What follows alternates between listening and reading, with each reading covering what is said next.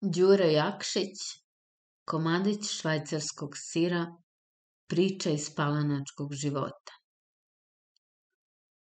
Lepa ti je to stvar, taj švajcarski sir. Ja od kako ga znam, rado ga jedem, a još ga radije našim negotincem zalevam. Ta pomislite, švajcarski sir i negotinsko vino. Hajduk Veljko i Viljem Tel. Ima li šta u prirodi da bolje harmoniše? Ima li u istoriji dva karaktera koji bi jedan na drugi više ličili nego ta dva junaka? Da danas žive, Vidovdan bi kazao. Dva crvenjaka, ali oni poginuše slavno, pošteno, viteški, pa i ne videše grdila i bruku naših dana, rekao bih poslednjih dana. Jer kad god čovek pomisli na poslednje ljude, mora se sećati poslednjega dana, što po redu doći mora. Dakle, ja i moj prijatelj, obojica omladinci, kad smo pregledali inventarije naših pokretnih i nepokretnih dobara, uveri smo se da imamo na raspoloženju toliko para koliko ovakoj sorti ljudi treba da jedno veče zaboravi bedu i muku svakidašnjega života. Moj predlog beše, naravno, za švajcarski sir. Nađemo na putu jednog đaka, koji beše nešto viši uzrastom nego drugovi njegova razreda. Na glavi je imao crnu kačketu, kao što je po unutrašnjosti Srbije stari praktikanti nose. Kaput dugačak, bez dugmadi i bez boje, beše tako nešto nalik na sivo. On je negda kod nekoga praktikanta posluživao, pa mu je ovaj poklonio celo svoje iznošeno delo.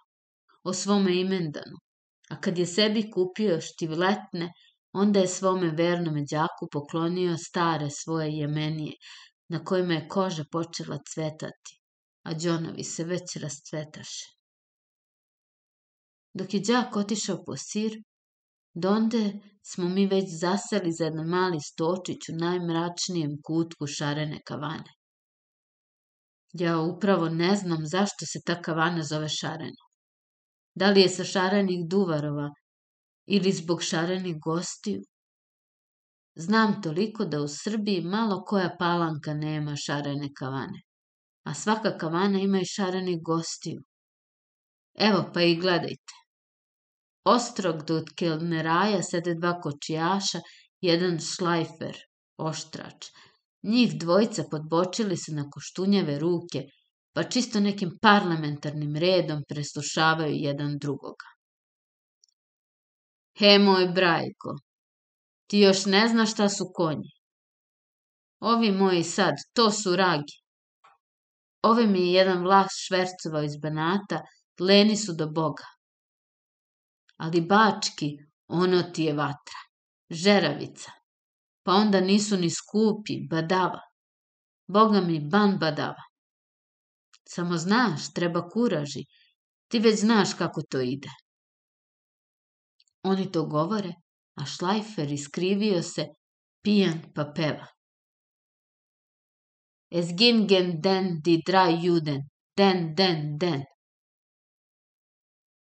A kad je pao u sevdah, tresnuo je cilindar o zemlju, znate, svi kulturtregeri nose cilindar. Ali kad ga je hteo podići, da ga opet na svoju civilizovanu glavu natuče, posrnu jedan put, drugi put, pa kao ono ranjen vitez, tropošta se na zemlju, pa onda onako sasvim riterski poviče. Es lebe des dajčen Vaterland. Mora da je bio Prus, pa je pomislio da ga je negde na barikadama republikanskim pogodilo đule, a u istini izgledaše kao onaj koji umire. Dilajtezin, di, di. I tako zarka naš siromaš kultur treger. To tako izgleda u pročelju, a u začelju, e tu je sasvim drugi svet. Pet, šest penzionera, sedam, osam trgovaca i oni koji niti prodaju svilu ni čelik, nego lepo daju novce na zajem. Zaista, milostivni ljudi, dobri ljudi, ne rade ništa, puše, jedu, piju i primaju interes. To je njima tako Bog dao, a vlast im ne krati, jer su pošteni ljudi, imaju novaca, a novac nije mali dokaz za uzvišteno poštenje nečije ličnosti. Pogledajte, na primjer, onoga debelog čoveka što nosi sivo japunđe sa džigerastom jakom, čibuk sasvim po agalarski, sa golemim ćilibarom. To je, vidite, nekad bio činovnik. Za njega krišom govore da je u neko vreme otimao, a svi mu se u oči čude dobroti i poštenju. Taki je svet, taki su ljudi. Šta više, i sam gospodin negdašnji velikaš u beličasto žutom kaputu, sa crvenom vipuškom i na kapi na čakširama, svaki treći dan dolazimo na ručak, pa osim što njemu u oči još i ostalom svetu kazuje da je njegov pobratim najvaljaniji čovek na svetu. Više puta sa nekim entuzijazmom o svome drugu i pobratimu govori. Znate ljudi, a nećete mi verovati, tim rečima je on svaku pripovetku počinjao, otprilike kao što je Vidovdan počinje svoje uvodne članke pisati. Najpre ide skelet, meso, familija, pa onda država, a u državi je bolestan nud svaki onaj njezin član koji se usudio nezadovoljan biti sa našim status quo. Dakle, znate ljudi što se mog pobratima tiče, nećete mi verovati da je to jedna preizjadešnja duša, dobro srce, pošten čovek. Nećete mi verovati da vam svakog praznika ide u crkvu, pošto je sveštenstvo. Baš pre, kad ona beše svadba vrala junica, propoveda mi naša gospoja protivnica, da je u tas bacio dva nebušena cvancika. A kad mu je u oči svetog Nikole prota svetio vodicu, poljubio ga je i u ruku. Nećete mi verovati, ali zacelo je dobar čovek. Pa kako čest ima, Bože moj! I naši velikaši i turski velikaši. Svi su se otimali za mog pobratima. Ta eno, kad ona proputova Kabul Efendija, odmah je njega tražio, ruča je kod njega, a posle mu je poklonio jedne brojanice. Pa da znate još kakve, od čistoga ćilibara. Bio je u mađarskom ratu, onda se siromah i ugojio. Znate, banaćani i bačvani, sve su se otimali za njega. Hranili su ga samom tortom i paštetom, te ovde malo, onde malo. Moj pobratim dođe debeo kao, kao, kao vršački vladika. Tek, hvala Bogu zdravlje, apetit mu je i sada dobar. Jede, jede, e, znate, pojabi vam i živo kurjaka. Nećete mi verovati, ali baš je čovek taj moj pobrati. A znate li po čemu su njih dvojice pobre? To je takođe čudna istorija. Jedan je Vučićevac, a drugi Obrenovićevac. Neprijatelji do smrti. A ovamo se lažu, lažu i sebe i druge, lažu i one kojima bi bili obvezani da istinu govore. Lažu sve, a to je opet njihovo načelo lagati i živeti. I oni su se baš to po samom tom načelu pobratimili. Od njih je daleko ona uzrečica živiš da radiš, jedeš da živiš. Oni imaju sasvim drugčiju filozofiju za život. Živiš da jedeš, lažeš da imaš šta jesti. Ja vidite, sa mojim društvom ne smem na glas baš ništa prozboriti, Oni ne smeju od mene čuti ni jedne reči, ni sloga, ni miga. Ako čuju zlo, zort, odmah počnu tumačiti. To se odnosi protiv knjaza, protiv vlade i tako dalje. Naročito onaj u beličasto žutom kaputu. On koji svih sedam kraljeva za pol minuta izređa. On koji zna i šta je pokojnik Knez Miloš 1831. godine na badnji dan večerao koji se seća i kakvu je reč još kao dete od 11 meseci prvi put protepao. Taj naravno da sve zna, a ostale mušterije rečene kavane sve mu veruju. A kako opet ne bi? Oni ne veruju u dan, u istinu, a u laž. E, baš ste čudni ljudi.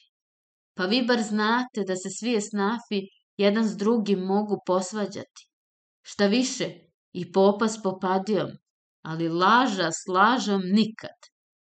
Taj se esnaf najbolje slaže i svud potpomaže, a valjda i zato što je laž najjeftinija.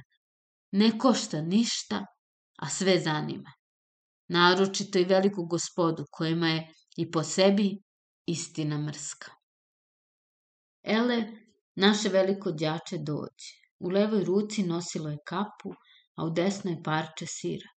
U čistu belu hartiju zavijena, hartija beše bela, a sir vrlo fino rasečen izgledaše, otprilike kao koverta od kakve depeše.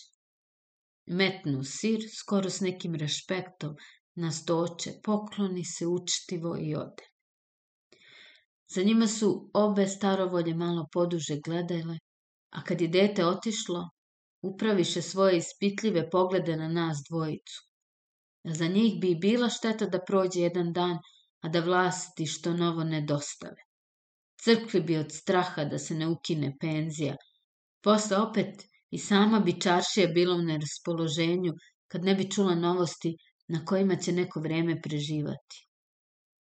Oni nas gledaše pozadugo, približavahu nam se, odstupahu i opet svi u skupu dolažahu. Nijedan od njih ne reče dobroveče, ili tako što samo nas pogledahu otprilike kao na neku stvar koju mrzimo ili od koje se bojimo. I oni su nas baš ozbiljski mrzeli. Čuo sam kad se po treći put odmakoše gde onaj debeli šapnu ostalima. Kakva mora da je depeša što je dobiše? A onaj mršavi mumđija što liči na spuhanu svinsku bešiku dodade polako. Ovo nisu čisti poslovi. Verujte, ovaj bradati nešto zna, nešto šuruje. Verujte mi da je iz preka, rođen bačvanin, neki govere da su ga lanskog leta viđali i sa Miletićem. Jest, jest, dodade drugi debeljko u garbaldovskom šeširu, lica pravilnog, ali odvratnog. To je istina, a mi svi znamo kako naši velikaši o njima i njima podobnima misle. Mi moramo doznati, mi hoćemo da doznamo šta ima u toj depeši. I to treba vlasti dostaviti. To treba, za blago našeg otačstva, to treba vlasti dostaviti. Međutim se čulo i jasnije mumlanje, sve glasniji govor, dok se na posledku ne primače onaj u beličasto žutom kaputu. Dobar veče, gospodo. Bog dobro, gospodine. I on, sasvim umiljato, osmejkujući se sed do nas, smešio se, a jednako je pogledao na naš švajcarski sir. Hm, hm, znate, nećete mi verovati. Sad se useknu i ubrisa brkove, pogladi se i pođe dalje govoriti. Znate, čudna vremena. Rat, Franceska, nećete mi verovati. A hoće ljudi republiku. U tome me pogleda malo oštrije. Znate, govori se da i u nas ima republikanaca. Sad me još strožije posmatraše. Jest, jest, to je sve Miletićevo seme. Znate onog osuđenog nesrećnika? Poznajete li vi toga Miletića? I on me opet oštrim pogledima proučavaše. Ja sam ćutao. Što mi ne odgovorite? Pitaše me penzioner malo hrabavijim glasom. Zato što neću. E tu smo sad. Ha, ha, ha. Znate, gospoda, nećete mi verovati. A evo, sam se odam. Posle se okrete k meni, pa sasvim sigurnim glasom, kao ono sudija kome je ispit nad krivcem dobro ispao, poče pretiti. Vidite li vi ovoga gospodara trgovca? I on mi pokaza prstom jedno ljudište, jednog od onih trgovaca, što niti prodaje svilu ni gvožđe. Vidite, on glavom kazuje da vas je video kad ste s Miletićem išli ruku pod ruku. I to Nota bene u Novome Sadu. Jeste li me razumeli? U Novome Sadu. A ja, boga mi, mislim da me vi pitate da li poznajem krojača Miletića. A vi me pitate za Svetozara. To je, dragi gospodine, sasvim drugo. Ja brata Svetozara ne samo da poznajem, nego ga i visoko poštujem. On je ono što bi svi narodi sa nekom uzbuđenošću poštovali. On je karakter. On je. Pa da nije ova depeša od njega. Prekide mi reč, gospodin penzionar, i već htede zgrabiti na švajcarski sir, ali moj drugar beše hitri, ukoliko beše gladniji, te sa sirom, pa u usta. Boga mi, ja se od mog dragog su mladinca poplašim da kako ne prestupi granice vidovdanskog jedinstvenog komunizma, te ja ščepam drugu polovinu i za til časak je nestade u mome želucu. Jeste li videli ljudi kako pojedoše depešu? Sad kažite vi meni, da li je to čist posao? Kažite da nije to najbezobraznije šurovanje. Depešu pojesti. Ako to našoj sumnji nema političkih osnova, onda gospodo, da se ne zovem više rođak Mate Klozera i njegova brata, presvetloga cara, Todora od Abisinije. Ko zna, možda je baš i od samoga Gambete. Možda i od Rošfora ili Marksa iz Londona. Na jedan put sve se utiša. Naše veliko đače stupi nanovo s pristojnim respektom i poluglasno, ali su ga svi morali čudi. Reče, gospodine, ja sam javio gospođi da nećete doći na večeru. Kazao sam i to da sa jednim svojim prijateljem u šaranoj kavani užinate švajcarskog sira. Đače se pokloni i ode. E, hm, hm, da, da. Posle takih znakova raziđavše se gospoda stari penzioneri i dobri trgovci.